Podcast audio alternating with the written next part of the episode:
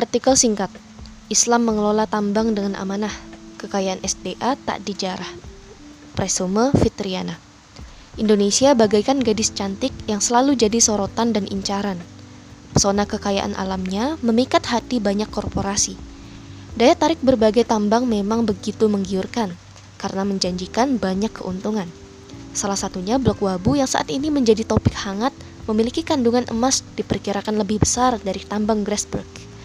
Blok Wabu menjanjikan banyak keuntungan bagi pengelolanya. Jika pengelolaan jatuh ke tangan swasta, sudah pasti kondisinya tak jauh berbeda dengan Freeport. Tak memberi maslahat pada rakyat, justru merugikan karena menyerahkan aset publik yang menguntungkan asing. Pengamat tambang menilai butuh transparansi dari Kementerian ESDM terkait pengelolaan tambang oleh asing atau pemerintah pusat yang mengelola melalui proses tender dan lelang. Namun, tetap saja semua cara itu membuka peluang bagi swasta menguasainya. Islam memiliki aturan paripurna dalam mengurusi berbagai urusan umat, termasuk mengelola SDA Barang tambang termasuk salah satu kekayaan SDA yang pengelolaannya untuk kesejahteraan rakyat. Tak ada celah bagi siapa pun untuk menjarahnya. Ia merupakan harta milik umum, negara yang mengelolanya dan mengembalikan hasilnya kepada rakyat dalam bentuk barang murah atau subsidi untuk kebutuhan primer, pendidikan, kesehatan, dan fasilitas umum.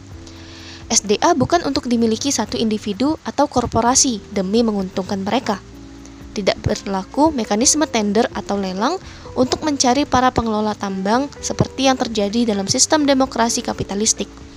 Haram pula dalam Islam pengelolaan tambang dilakukan oleh individu atau korporasi. Rasul Shallallahu Alaihi Wasallam bersabda bahwa manusia bersekutu dalam masalah padang, api, dan air.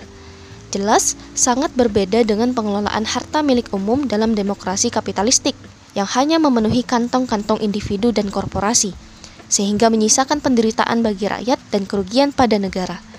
Ketika negara memiliki kekayaan SDA yang melimpah, negara tak perlu mengemis utang pada negara lain.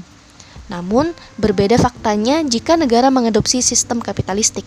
Setiap kebijakan bersandar pada kepentingan pemilik modal saatnya Islam mengelola tambang yang merupakan salah satu SDA negara dengan pengelolaan yang amanah dan menjahterahkan rakyat sesuai syariat Islam.